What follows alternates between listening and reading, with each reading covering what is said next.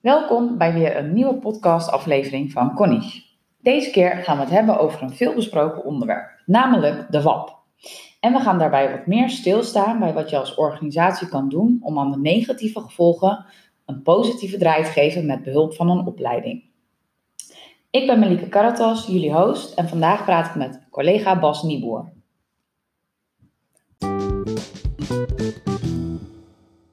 Hoi Bas. Hoi. Nou, leuk dat je even de tijd neemt om uh, te praten over het onderwerp wat de meeste organisaties nu bezighoudt. Zullen we eerst nog even kort toelichten waar de WAP voor staat en wat de belangrijkste veranderingen zijn? Ja, dat is goed, uh, Malike. Um, de WAP staat voor arbeidsmarkt, wet arbeidsmarkt in balans. Um, en is bedoeld om uh, vast wat minder vast te maken en flex wat minder flex. En deze wet die gaat vanaf 1 januari 2020 in werking.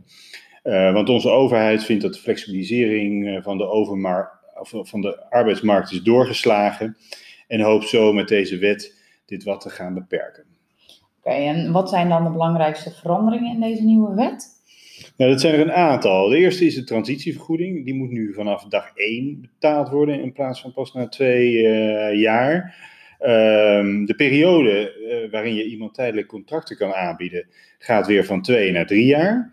Uh, er wordt een cumulatiegrond toegevoegd aan het aantal redenen waarop je iemand mag ontslaan. En uh, vanaf 1 januari mag je op basis van meerdere redenen iemands ontslag aanvragen, waar dat nu nog op één dossier uh, gebaseerd is.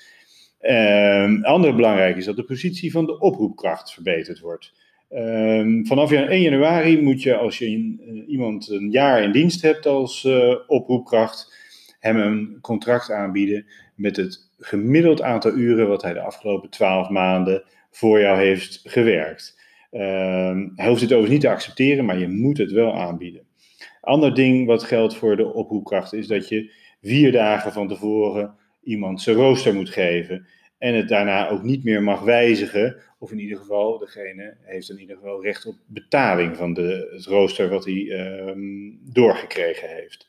Dit alles geeft meer zekerheid voor de oproepkracht. Oké, okay, en ik, ik, begreep dat er ook wat gaat veranderen met uitzenden en payrollen. Ja, klopt.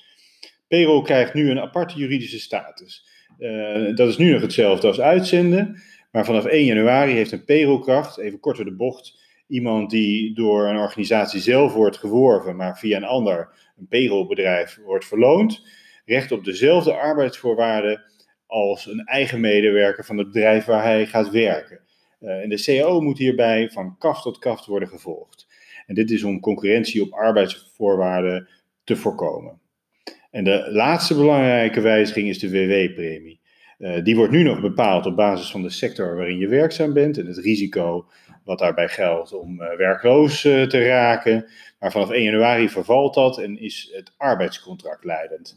En eigenlijk onbepaalde tijd met een vaststaand aantal uur krijgt een lage WW-premie en alle andere contracten krijgen een hoge WW-premie. En het verschil wordt 5 procentpunten. Uh, de exacte premies worden komende maand bekendgemaakt. Oké, okay, nou dit betekent dus nogal wat als, de, als flexibele arbeid 5% duurder wordt, zeker in klantcontact, waar men eigenlijk heel veel met flex- en oproepkrachten ja, werkt. Ja, dat klopt. En ik denk dat in klantcontactorganisaties samen met de WFM-afdeling heel goed moeten bepalen wat de kritieke ondergrens is. Dus hoeveel mensen heb je altijd nodig? En voor dat aantal mensen kun je vaste contracten uh, aanbieden. Maar uh, flexibele arbeid wordt gewoon echt duurder. En het wordt dus nog meer belangrijk om scherp te sturen op bezetting. Want ook door de vier dagen regel valt hier de flexibiliteit terug in dagsturing en het afschalen van medewerkers. En je zei in het begin ook dat veel organisaties met de wat bezig zijn. Uh, maar uit recent onderzoek blijkt ook dat bijna 30% van de organisatie nog geen idee heeft wat de WAP inhoudt. En dat terwijl je best wat kan doen om ook deze financiële effecten te voorkomen. Oh ja? Een, een mooie mogelijkheid die je hebt namelijk is om nieuwe instroom van medewerkers een BBL-traject aan te bieden. En BBL staat voor een leerwerktraject. Um, de overheid vindt het namelijk heel belangrijk dat organisaties deze leerwerktraject aanbieden. En hebben uh, uh, geregeld dat je deze medewerkers, ook al geef je ze een tijdelijk contract voor de duur van het BBL-traject, je ze nog wel mag verlonen tegen het lage WW-tarief. Daarnaast hebben ze ook nog geregeld dat de contracten die je uitgeeft voor, eh, eh, eh, voor de medewerker tijdens het BBL-traject niet meetellen in de keten. Dus na het BBL-traject mag je medewerkers nog drie contracten in drie jaar geven. Dit biedt dus nog extra flexibiliteit. En het mooie is dus dat als je als werkgever medewerkers de kans biedt om zich verder te ontwikkelen, de kwaliteit van je dienstverlening gaat omhoog en het verloop daalt. En doordat ook nog de subsidie praktijkleren geldt voor deze opleidingen, kun je vrijwel kostenneutraal je nieuwe medewerkers ontwikkelen. En kijkend naar klantcontact, wat voor opleidingen zijn dan mogelijk? Cornice Business School verzorgt al jaren deze vakopleidingen. En veel werkgevers vinden het namelijk een mooi instrument om zowel medewerkers te ontwikkelen, maar ook ze perspectief te bieden en een uh, erkend diploma te geven.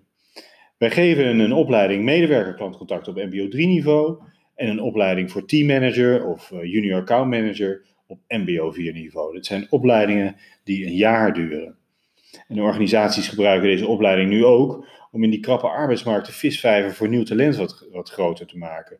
Want door het aanbieden van zo'n leerwerktraject kunnen medewerkers die een wat lager opleidingsniveau hebben, zich toch nog ontwikkelen naar het gewenste niveau.